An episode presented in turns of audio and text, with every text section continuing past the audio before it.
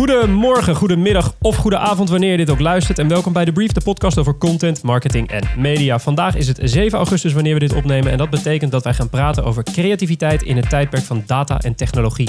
Wat doet data en technologie voor je organisatie op het moment dat je een creatieve organisatie hebt? Nou, daar weet mijn gast alles vanaf. Maar voor nu, let's get started. Let's get the show on the road.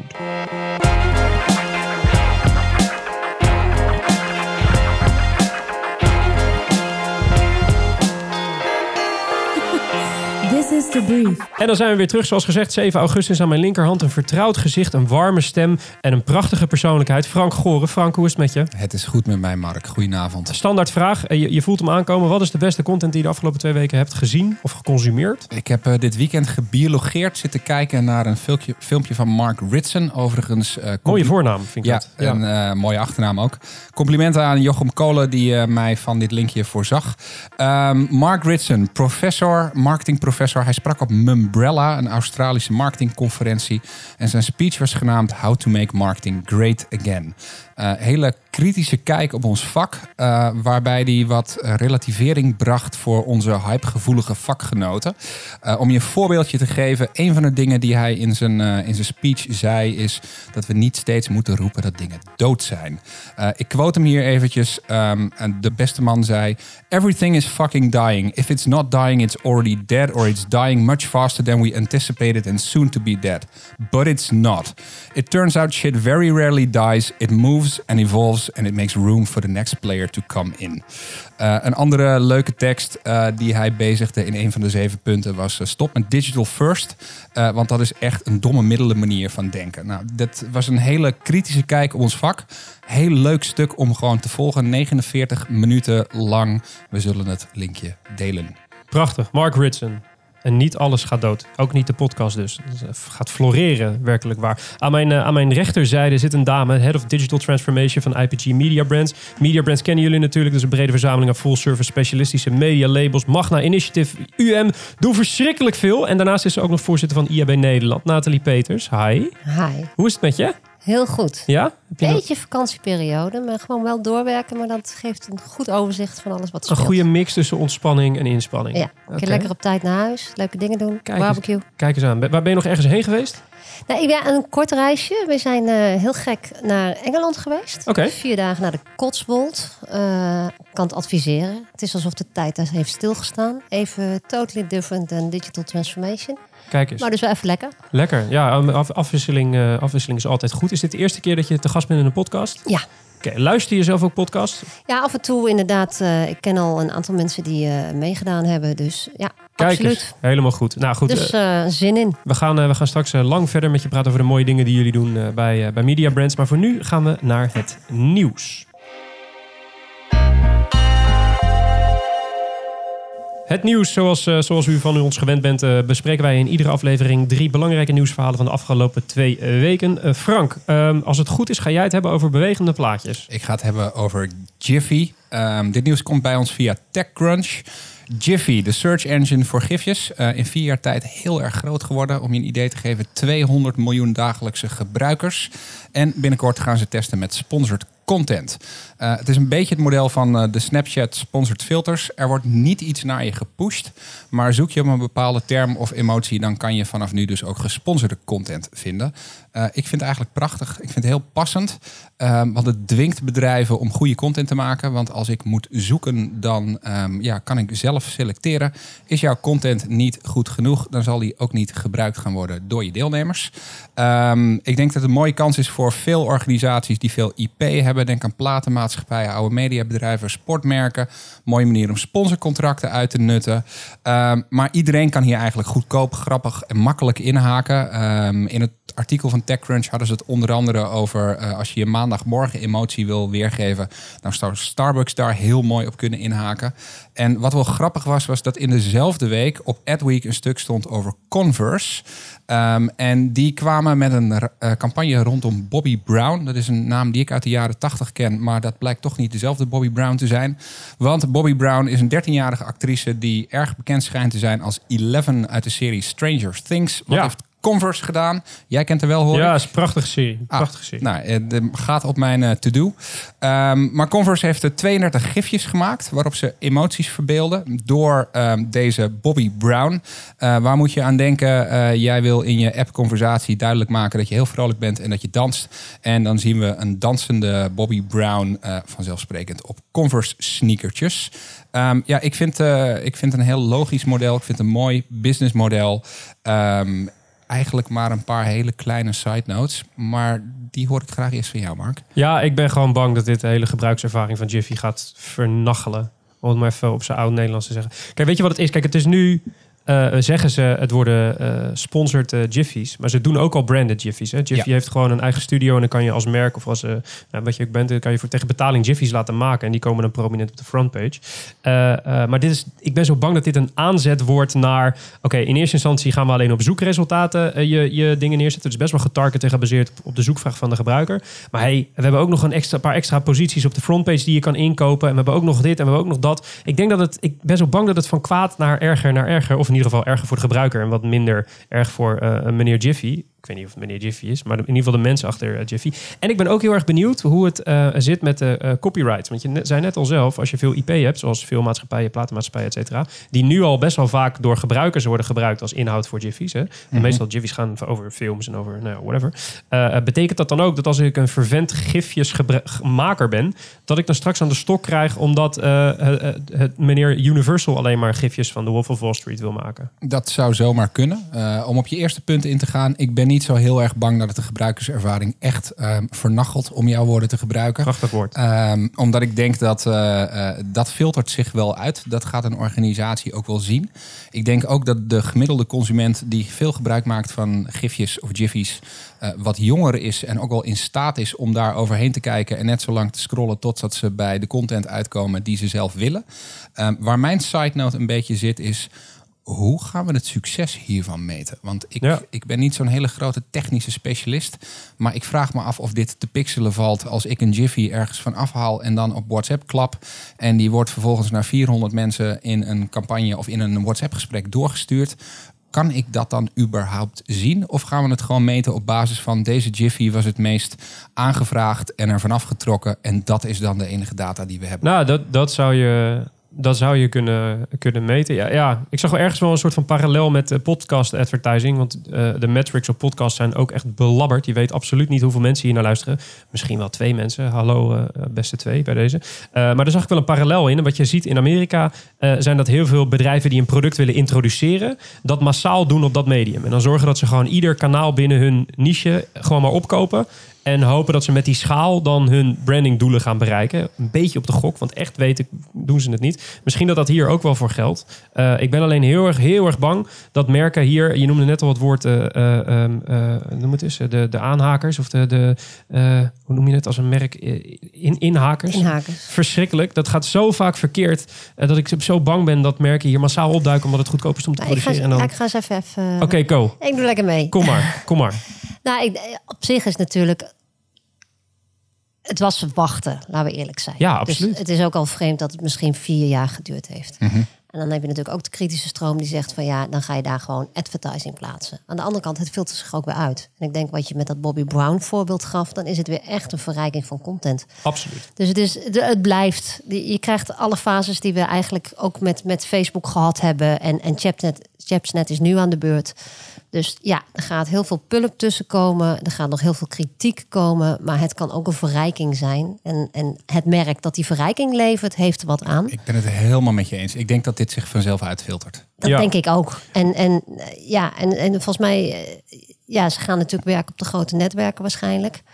En ik denk dat het ene netwerk wellicht wat, wat toleranter is dan het andere netwerk. is ook heel erg afhankelijk van je doelgroep. Ja, ik ben Maar het filtert zichzelf. Maar het was natuurlijk ook te verwachten. Ja, het, het, het legt wel een soort van verantwoordelijkheid bij eh, Jiffy.com zelf. Om dan te zorgen dat er een filtering op kwaliteit komt. Natuurlijk, hè, dat niet iedere boerenlul met een eh, eh, soort van gevoel voor humor denkt dat hij hier leuke dingetjes voor kan gebruiken. Ik ben gewoon heel erg bang dat ik mijn gifjes kwijt. Ik, Jij bent gewoon een me. hardcore eerste termijns gebruiker die bang is dat dingen nu gaan veranderen. Ja, ik, misschien, misschien is dit een officiële teken dat ik oud word. Dat ik me wanhopig vastklamp aan een mediatype als de, de GIF.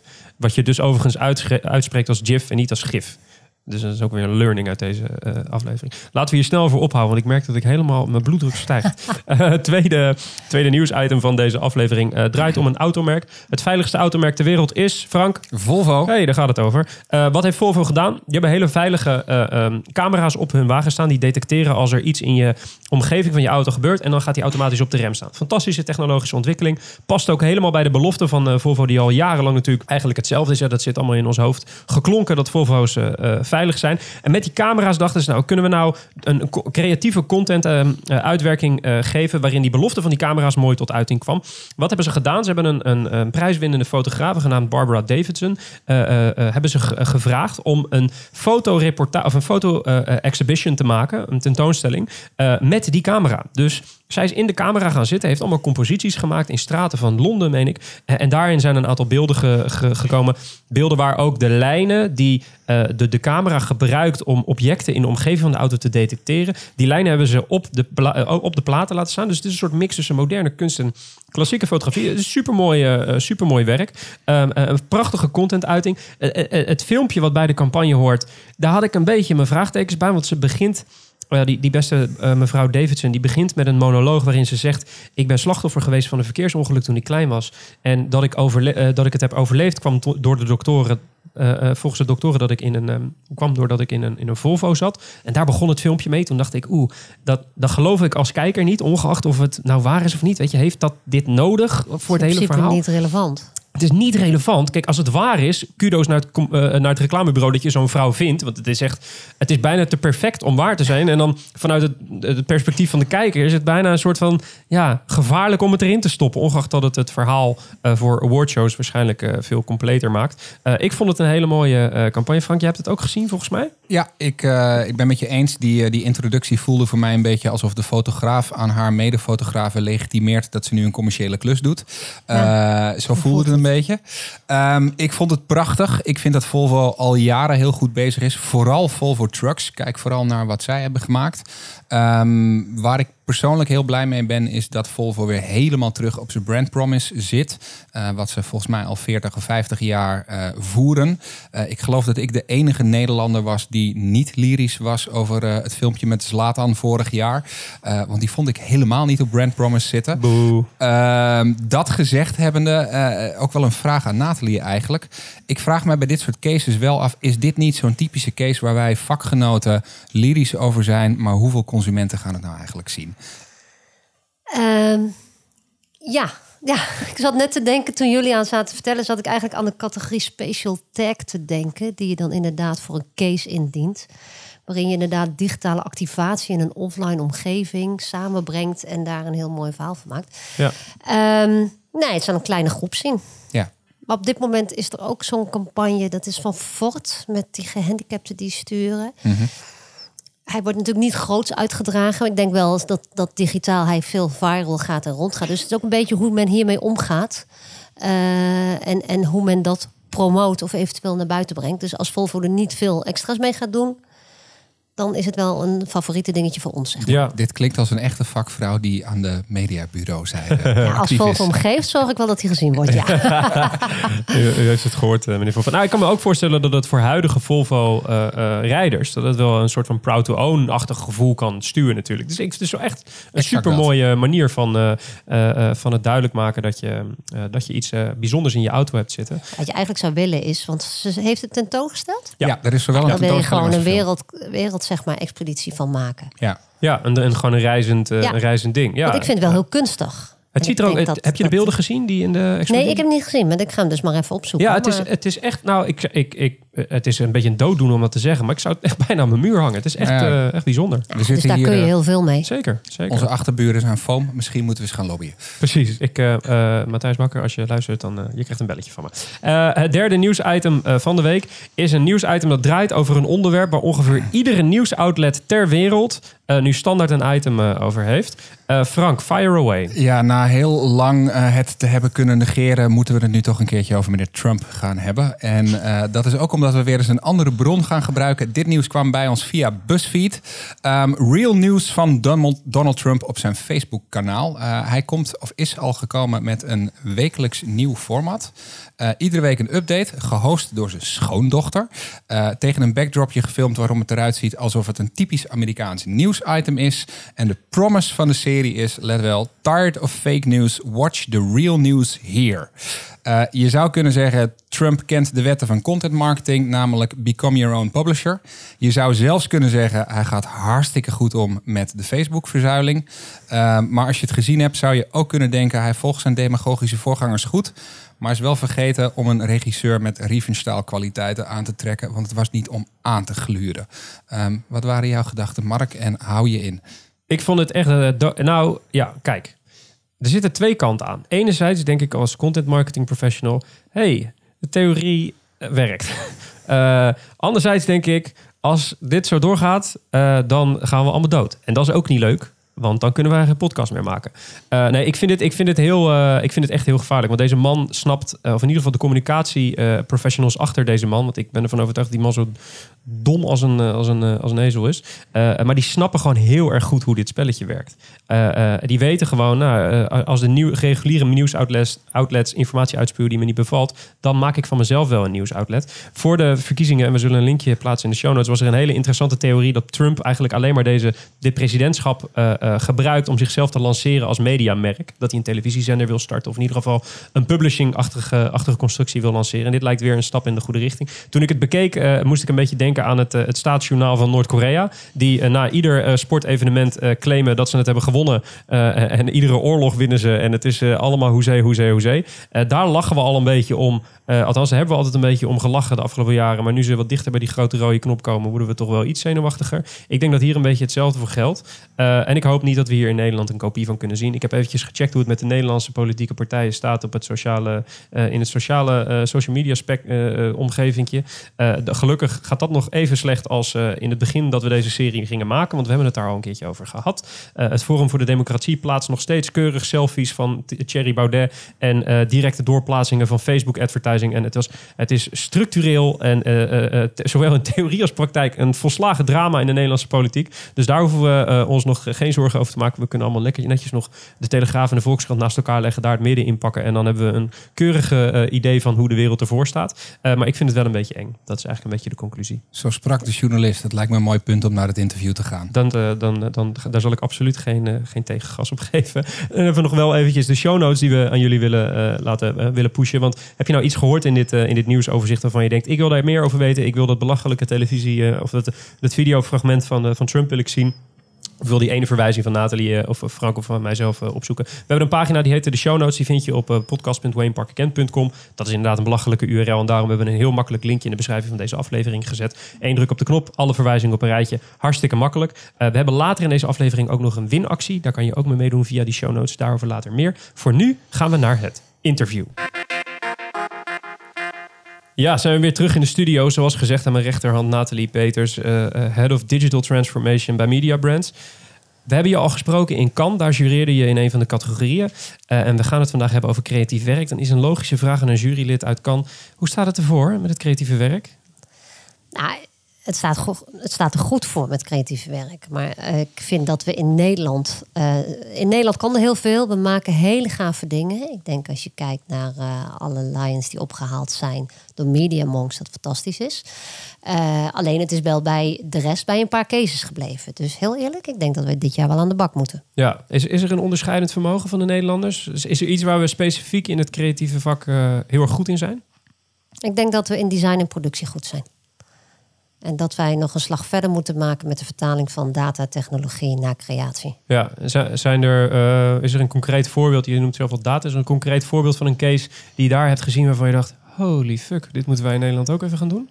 Nou, er zijn, zijn twee mooie cases. Eén was die Hungerism van uh, Snickers, waarin je continu ziet dat op de actualiteit van op dat moment het aanbod wordt veranderd. Maar dat was heel intensief.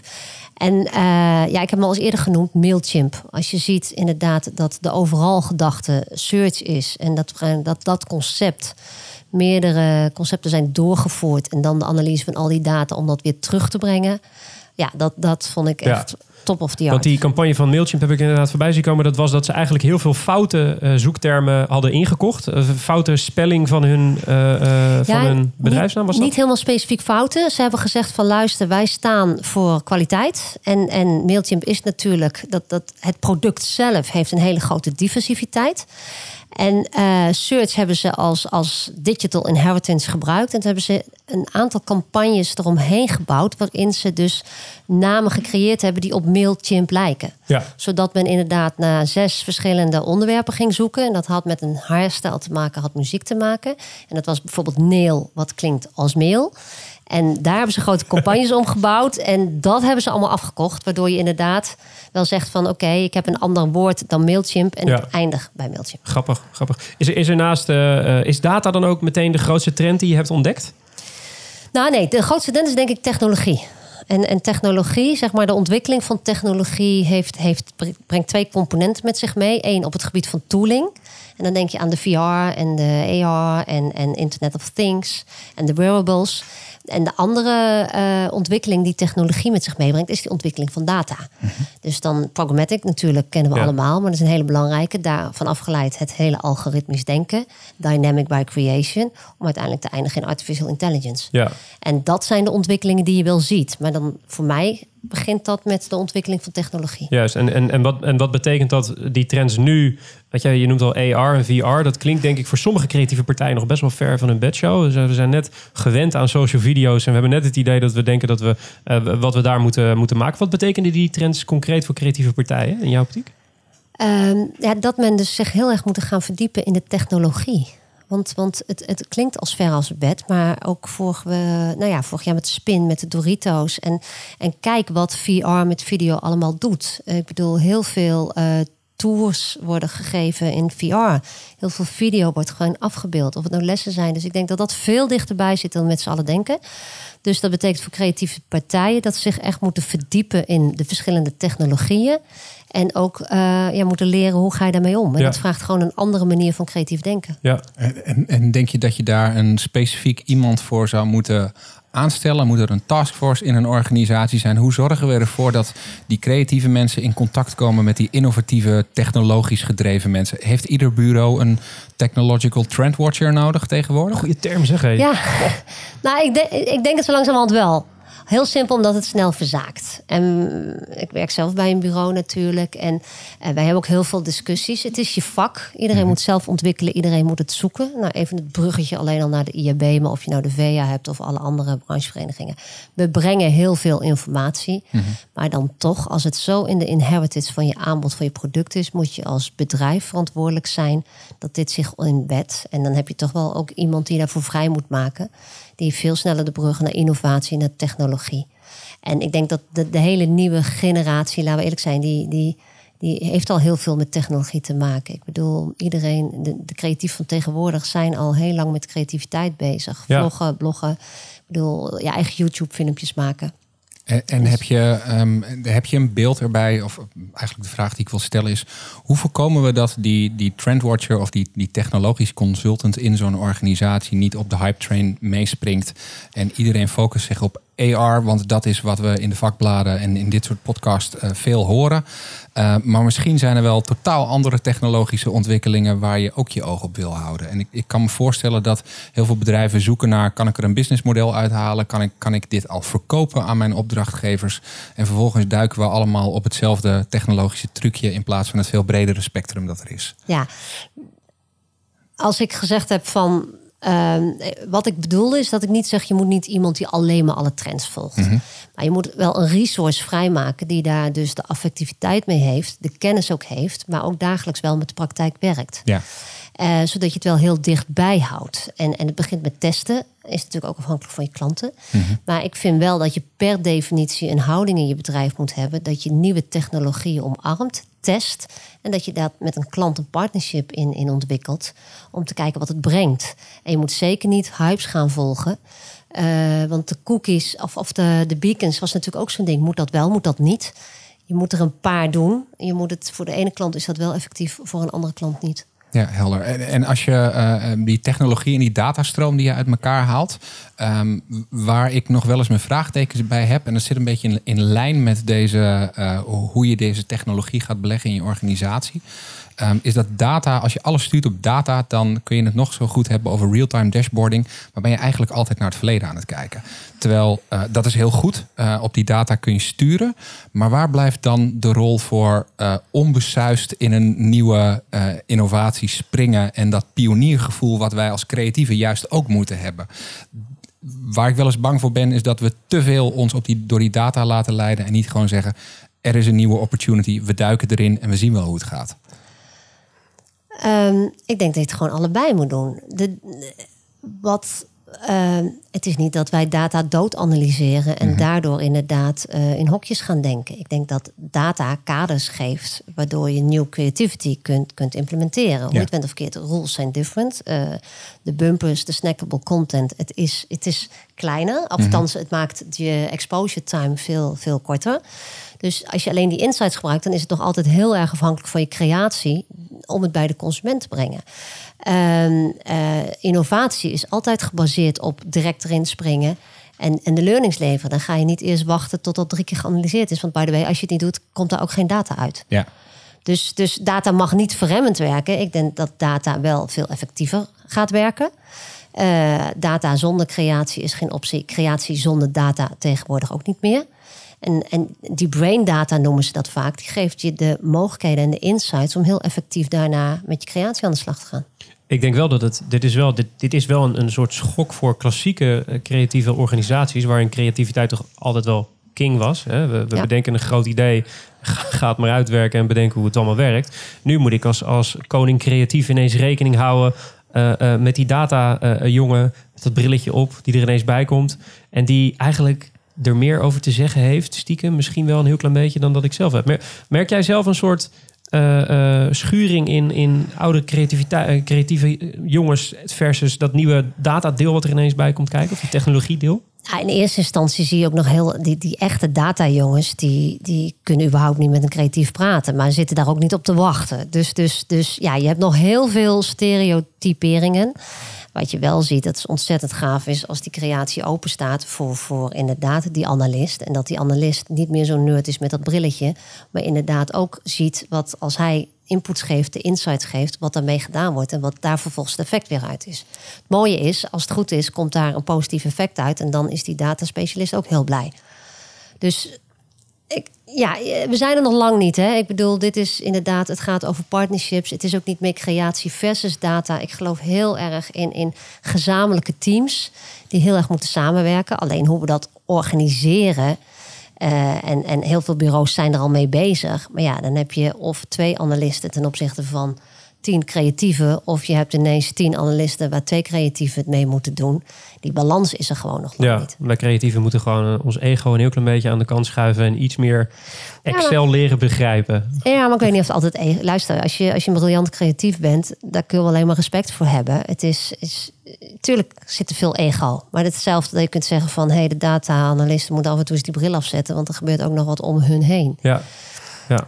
Ik ben heel erg positief ingesteld in erin. En weet je, het is, als we het niet doen, ik bedoel iedereen, of een creatief, of hij kan zijn ogen sluiten en, en het gaat wel echt gebeuren. Ja, ja nou goed, het is, het is ook al aan het gebeuren. En als je kijkt naar, naar dit gaat dan over mensen, hoe gaan creatieven daarmee om? Als je eens een ver, ver gezicht in de toekomst, vaak creatieve organisaties. We hebben natuurlijk gezien dat reclamebureaus en mediabureaus zaten eerst bij elkaar. Toen ging het uit elkaar. Nu zie je dat mediabureaus creatieve hubs gaan oprichten en toch een deel van het creatieve proces zelf willen doen. De reclamebureaus haken steeds meer uh, specialistische partijen aan. Uh, vijf jaar in de toekomst, hoe, hoe ziet dat creatieve proces er dan uit volgens jou? Dan geloof ik wel degelijk dat er dat uh, creatie en techniek en data bij elkaar zitten. Dat daar zeker specialisten zitten die, die wel twee of drie disciplines in zijn totaliteit beheersen. En voor de grotere advanced uh, projecten heb je gewoon je, je deeldiscipline nodig wat samen moet werken. Ja. En, en dan krijg je ook altijd de vraag: ja, wat, wat leeft? Is het het creatieve bureau of is het mediabureau? Um, ik denk dat op dit moment de kansen van het mediabureau juist in dat datastuk zitten. Ze, hebben gewoon heel veel data. Het is voor hun wel moeilijk dat goed te ontsluiten. Ik, ik zie ook eerder de, de de gevaren van de Accentures van deze wereld. Omdat die natuurlijk al heel veel data hadden. En die kopen heel snel de media aan. Ja. En de creatie. Dus, dus ik denk dat we niet eh, dat creatie- en mediabureaus gewoon de handen samen moeten slaan. En meer naar buiten moeten kijken. Want anders is dit letterlijk van eh, twee eh, honden vechten om een been. En de derde gaat ermee heen. Ja, en hoe, hoe kijk je dan aan tegen... Wij, wij komen in ons werk best wel vaak klanten tegen... die maken een deel van de content bijvoorbeeld. Een deel van de advertising, of de creatie doen ze zelf. Ja. Ook omdat die, die, de tooling waar we het eerder al over hebben gehad... en eigenlijk de opleiding die jonge werknemers gedurende hun leven... en hun social media leven hebben gehad, bijna als content creators... ze kunnen al heel veel zelf. Ja. Eh, eh, eh, hoe, hoe kijk je aan tegen die in-house creatie? Is dat aan te raden? Is het, ligt het aan het merk? Is het... Ja, luister, vaak zorgt inhoud, in-house creatie voor snelle flexibiliteit en een snel reactievermogen. En dat heb je ook nodig met die nieuwe content. En heel veel content zit gewoon in bedrijven zelf. Dus ja, tuurlijk, tuurlijk is het prettig als uh, economisch gezien een mediabureau bij wijze van spreken voor onze branche in, in stand houden. Maar ehm, ik geloof wel heel veel dat dat intern gedaan kan worden. Alleen ik denk voor, voor de, de, de, de grotere merkbeleving. Dat daar absoluut een, een, een, de specialisten aan bod moeten Juist. komen. Dan heb je bijna een blik van buitenaf naar dat grotere bedrijf nodig. Maar dat moet je ook. Dat is toch altijd zelf. Ik bedoel, ik vind mijn kinderen ook het meest fantastisch. En een ander zal daar ook wat meer kritiek op hebben. Of, ah ja, thuis is het wel andersom. Maar fijn, in het principe, je moet gewoon altijd een frisse blik blijven houden. En als je heel erg zelf bovenop iets zit, dan, dan blijf je niet meer objectief. Ja. Ja. en lo- los daarvan denk ik ook dat je heel erg de split moet maken met wat zijn voor mij operationele taken die ik in huis wil hebben om die flexibiliteit te hebben en omdat je daarop wil sturen. Maar ik kan me voorstellen dat je een verdomd groot bedrijf moet zijn om een merkstratege vast in dienst in je, in je organisatie te hebben. Los van het feit dat hij nog verkokerd raakt als je een merkstratege in je organisatie zou opnemen. Ehm, dus ik, ik denk dat we er helemaal hetzelfde naar kijken. Daarom. En wat je ook krijgt inderdaad, als je meerdere specialisten bij elkaar zet, dan worden die weer geïnspireerd. Ja. Je gaat heel snel ook, ook daar in funnel denken. Ja. Dat moet je voorkomen, want de ontwikkelingen gaan zo hard. Dat, zelfs die bureaus van buitenaf kunnen ze niet altijd bijbenen. Nee, Dus je, je, moet, je moet wel zo'n rijke eh, scala aan specialisten hebben om überhaupt mee te kunnen, kunnen in die race. Dat kan ik me goed voorstellen. Eh, eh, als je kijkt naar je werk bij Media Brands, Head of Digital Transformation. nou, wat je doet zit al in je, in je functieomschrijving, digitale transformatie. Als je kijkt naar al die jaren dat je zit bij Media Brands, wat is er, wat is er zo al getransformeerd? Nou, over, overal zijn wij vervijfvoudigd in het aantal digitale specialisten. Eh, dus, dus wat je ziet is dat digital thinking gewoon een inheritance is. Nou, jij zei net ook inderdaad, eh, de lezing van digital first thinking is, is eigenlijk ook niet goed. Ik denk dat we daar in Nederland nog wel moeten komen eerst. Ik bedoel, ik ben het ermee eens, alles wat programmatic. En ik, ik heb een hekel aan het onderscheid offline-online. Je, je hebt gewoon een merkbeleving of een communicatieprobleem. En laten we dat eens gaan tackelen Ja, zodat je inderdaad niet in dat mediumtype of kanaaldenken gaat denken. Eh, dus, dus inderdaad, eh, maar wel zorgen dat we, dat we technologisch veel sterker staan. En ook heel veel processen in de standaard mediabureaus zijn, waren best outdated. En dat hebben we de laatste jaren ook heel erg aangepakt. Dat zaken geautomatiseerd worden. En dat, eh, dat, dat ook daar een grote efficiëntieslag is. Nou, en dan zijn wij ook de golven doorgegaan. Eerst hebben we de in- interactieve labels. Vervolgens zijn wij ook alle specialistische labels eh, gaan oprichten. Omdat nou, als je, je klant wenste dat. En Ja. vervolgens zegt die klant ook alweer... Ja, ik wil graag integratie. Dus, dus ja, ik noem het ook een soort conjunctuur waar wij doorheen gaan. En ook, ook inderdaad, wij zijn ook, eh, hebben de creatieve aangenomen.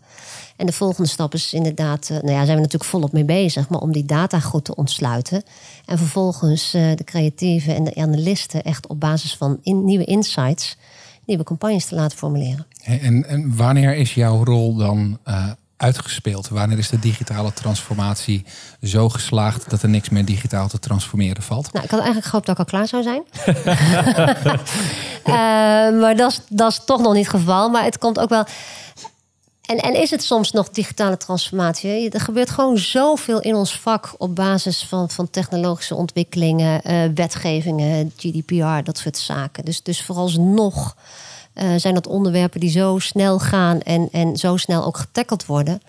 Dat, ja, dat valt voor mij allemaal nog onder digital transformation. Ja, ja dus het is eigenlijk een, een doorlopend proces. Eh, je zei net al van we hebben processen intern voornamelijk eh, al. Daar, daar waren dingen die gewoon nodig een, Ja. een, een poetsbeurt nodig hadden. Wat wij in ons werk veel zien is dat klanten naast eh, eh, diensten en services eh, ook steeds meer op zoek zijn naar een stukje consultancy over hoe ze de dingen zelf kunnen regelen. Geldt dat in die digitale transformatiehoek hetzelfde? Dus help je ook, Ja. is het een interne functie of een externe functie, is eigenlijk de vraag? Het is inderdaad tweeledig. Eh, omdat namelijk op het moment dat je zaken bij ons implementeert, heeft dat gevolg voor klanten, kom je terug bij klanten. Maar als je heel kijkt naar het programmatic en het ontsluiten van de data. En, en als klanten een eigen DMP bijvoorbeeld willen, ja, het- dan dat kunnen wij niet verbieden. Integendeel, als we dat niet supporten of, of daarin inderdaad eh, advies geven of de overgang mee helpen creëren, dan eh, zetten we onszelf alleen maar in een kwaad Ja. daglicht. Dus het, het is beide. En maar is, dat, ook- is dat een actieve rol dat jullie ook klanten meenemen in eh, adviseren in hoe ze dat intern kunnen inrichten? Ja, uiteindelijk zeggen we altijd net zo goed als je onafhankelijk mediamiddelenmix moet, moet adviseren, moet je dat ook in, in hoe je digitaal implementeert of hoe je zaken wat inrichten of waar ze zich naartoe moeten. Hey, en, En en dat al- is, ja. Sorry. Nee, zo ja, ik bedoel op het moment dat je dat zegt, omdat ik ook wel eens weet van wat zijn die images van bureaus, maar we proberen dat wel te doen, ja. Helder. En, en, en andersom, want ik kan me voorstellen dat er zullen klanten zijn waar jullie een actief begeleidende en bijna consultancyrol kunnen oppakken hoe je dat zou moeten inrichten. Kom je dit ook wel andersom tegen? Dat klanten eigenlijk een stap verder zijn dan dat je zelf als bureau was en dat je daar veel learnings uit haalt? Eh, ja, maar dat is met name. Wij hebben natuurlijk ook twee bedrijven geacquireerd: Eh, Traffic for You en June. En je ziet dat bijvoorbeeld de, de, de Traffic for You klanten gewoon totaal anders opereren, ook samen met Traffic for You. En dat die bijvoorbeeld wel op, op zeker op digitaal vlak en op dataontwikkeling en e-commerce verder waren weer. Dan, dan wij dat zeg maar binnen Media Brands voor een groot deel waren. En dat is ook waarschijnlijk een reden waarom je dat soort partijen naar binnen haalt. Ja, want anders hebben de klant niks te bieden. En, en op deze manier wel weer.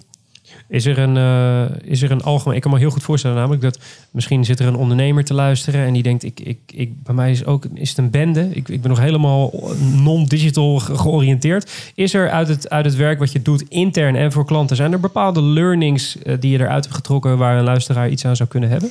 Nou, wat altijd heel belangrijk is, is dat, dat eh, er intern een, een verandering plaats gaat vinden bij klanten, dat men daarvoor open staat. Want ik bedoel, wij hebben nu al zoveel zaken gedaan en ook dan intern. Verandering per definitie roept vaak aversie op. En, eh, en een klant moet ook gewoon, zet kleine stapjes. Weet je, de wereld gaat zo hard en we hebben altijd een stip op de horizon. Maar als je daar niet gewoon heel gestructureerd in kleinere passen naartoe gaat, dan komt die stip nooit in beeld. En als je even geduld hebt, wel. Ja. En hoe doe je dat zelf? Want ik kan me voorstellen, eh, je, je hebt natuurlijk eh, de leiding over zoveel verschillende labels, zoveel verschillende mensen. Als je het dan hebt over kleine stapjes, hoe zien de kleine stapjes op zo'n schaal eruit? Ehm, ja, ik kader altijd projecten. Dus, dus, en dan inventariseer ik inderdaad de verschillende situaties. Dan kijk je ook van, hé, hey, wat zijn mijn medepartners? En waar ga ik eh, juist mm, geen medewerking krijgen?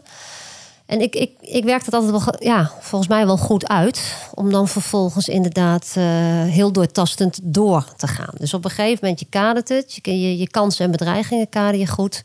En als dan inderdaad in principe een akkoord is van, nou ja, zeker de CEO, maar wel supported bij het merendeel van de organisatie. Eh, en dan zou dat niet zo zijn als het een opdracht is, dan gaan we dat ook. En dan moet je gewoon even hard door. En is daarmee eh, een digitaal transformatiespecialist eh, naast een technologische functie ook vooral een culturele en interne communicatiefunctie? Ja. En, en soms, eh, weet je, ook, ook ik blijf het ingewikkeld vinden hoor. En, en ben ik nou een digitale transformatiespecialist, weet ik niet. Ik zie alleen waar kansen gaan, zie waar de wereld heen gaat en wat wij als bureau zouden moeten veranderen. Eh, maar alle ballen tegelijk hou, ho- hoog houden is best ingewikkeld. En als je focust op, op het doordouwen, dan vergeet je ook alweer eens het menselijke aspect. En wanneer ik dan zie van wanneer je daar weer heel veel oog voor geeft, gaan soms zaken ineens weer veel makkelijker. Ja, Duidelijk.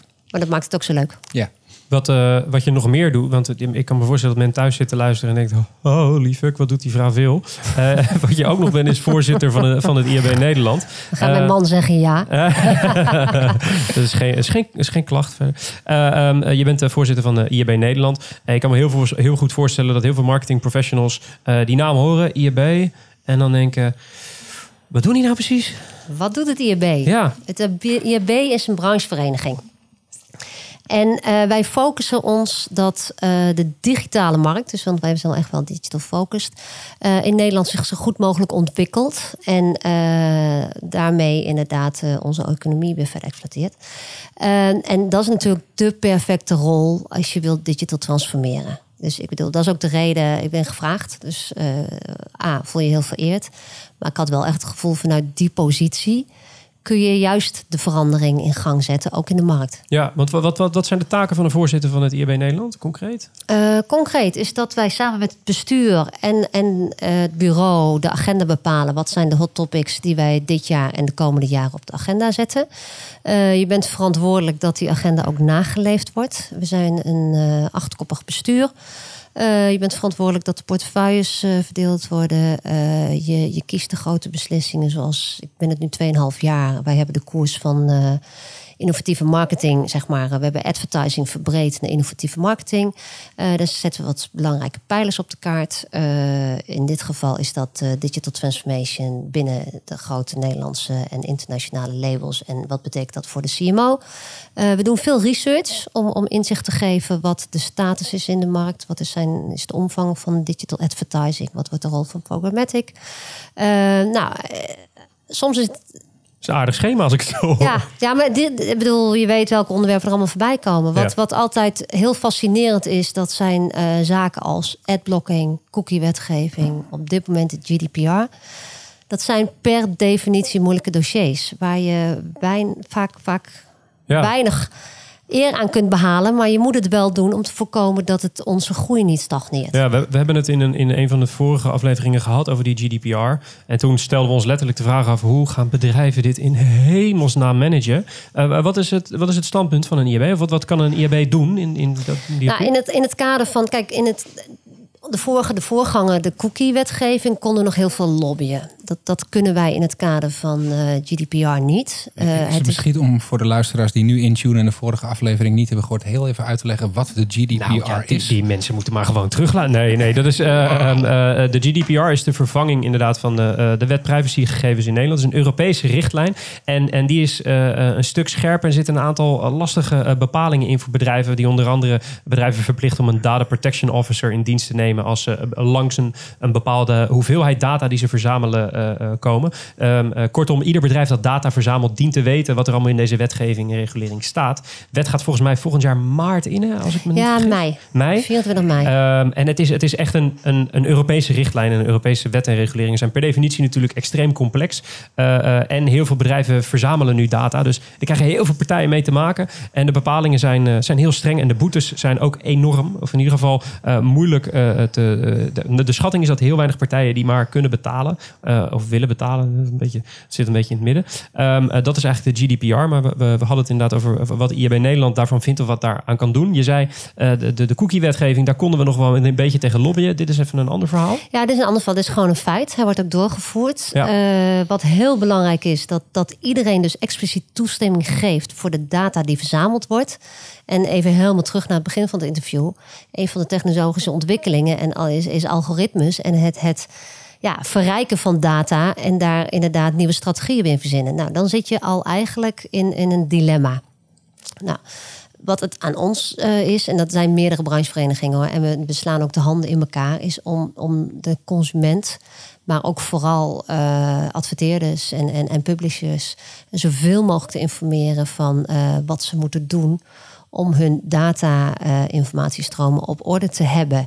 En welke richtlijnen moeten ze voldoen? Uh, wat wordt wel, wat is niet? Waar liggen de verantwoordelijkheden? Wat betekent dat? Nou, dus, dus het zit hem primair op data voor, of, of eigenlijk informatievoorziening. Uh, en zorgen dat je je organisatie op orde hebt, zodat je de boete niet kunt krijgen.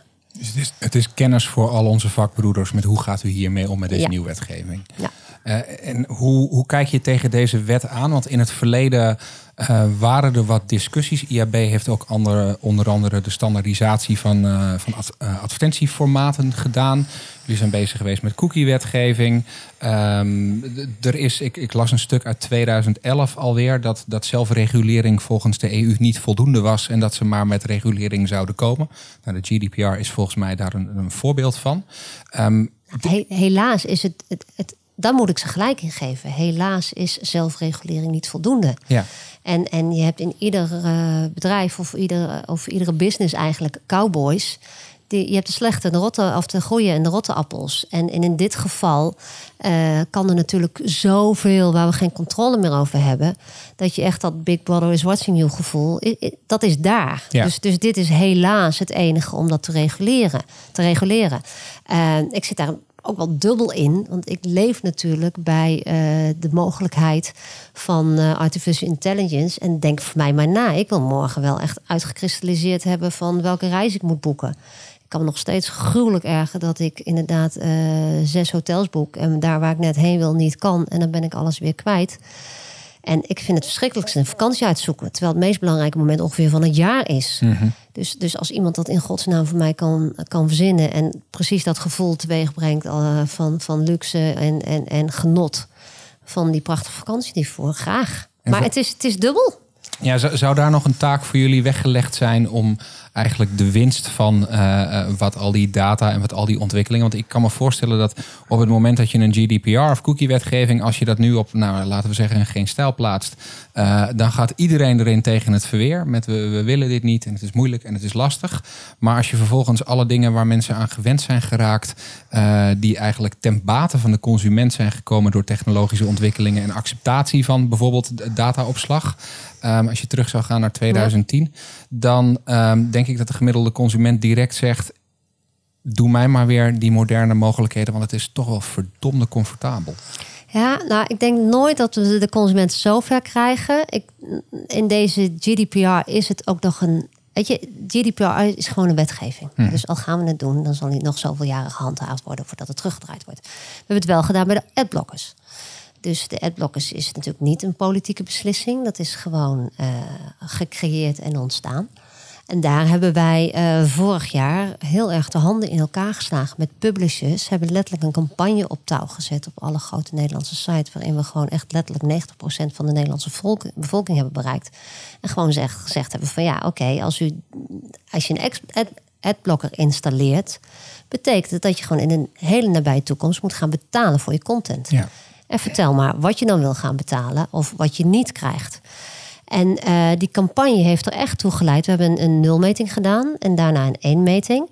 Dat de, de, eigenlijk de sterke toename in het plaatsen van adblockers gestagneerd is en zelfs weer een beetje is afgenomen. Dus ja, daar is zeker een taak voor ons weggelegd, mits we daar dus verandering in kunnen brengen. In deze GDPR-wet kunnen we dat echt niet. Dus, en, en met de resources die we hebben en, en, en de invloed die we hebben, zullen we moeten zorgen dat men zoveel mogelijk informatie krijgt en, en geïnformeerd is. Dat is het enige wat wij kunnen doen. Dus je hebt ook een consumentenvoorlichtingstaak naast uh, zeg maar de, de informatieve taak naar alle partijen die bij het IAB zijn aangesloten of daar kennis willen halen. Uiteindelijk wel, maar geloof me, dit is zo omvattend dat voorlopig zijn we eerst bezig met de informatieve taak naar waar het van invloed is op onze groeiende markt. Ja, want wij vinden het ook nog verrotte moeilijk. Ja, dat, uh, dat, is het, dat is het zeker. Wij maken een stuk simpelere show. Overigens een kleine noot bij wat je net zei over geenstijl.nl. die roze collega's die zijn heel erg tegen de cookiewet. Dus dat hebben we ook gezegd voordat we daar met pek en veren op die website door de mangel worden gehaald. dat is wel een van mijn grootste nachtmerries. Uh, um, we zijn alweer aan het einde gekomen uh, van dit interview, Nathalie. Maar niet voordat we zijn gekomen bij de allerlaatste vraag. En dat is, wat is de beste content die je de afgelopen twee weken hebt gezien? Nou, ik was uh, heel positief verrast door de Vlogacademie van de HEMA. Uh, oh ja, ja. Want dat vind ik een ontzettende leuke campagne. Op een goede insight is dat iedere individu is natuurlijk, of, of de jongeren zijn vooral bezig met het uh, ontwikkelen van hun eigen identiteit. En ze hebben een waanzinnige serie ontwikkeld. waarin je dus inderdaad het nieuwe beroep van de toekomst je eigen kunt maken. En uh, er zit zelfs een examen aan vast. En als je die, dat examen positief uh, haalt, dan sta je in ieder geval op de lijst bij een uh, influencerclub. Uh, ja, vind, vind ik echt meedenken met wat de jeugd bezighoudt. Hun, hun betrokkenheid. Een, een slimme link natuurlijk naar de schoolartikelen, want daar gaat het allemaal Ja. over. Maar eh, een mooi stukje content waarvan eh, ik het idee heb dat de doelgroep dankbaar gebruik van maakt. Ja, eh, ze dwongen mij eh, bij de hemel om de hoek, zag ik het plakkaat staan. eh, scan deze barcode met Snapchat en ontdek wat de Vlog Academy precies is. En toen heb ik het puur uit interesse, moest ik Snapchat weer installeren. Dus in ieder geval op het oudere segment van de doelgroep werkt dit als een trein. Hey, Nathalie, hartstikke bedankt voor je komst naar de studio. Heb je het naar je zin gehad? Ja, super. Tijd vliegt. Kijk eens, kom je snel weer een keer?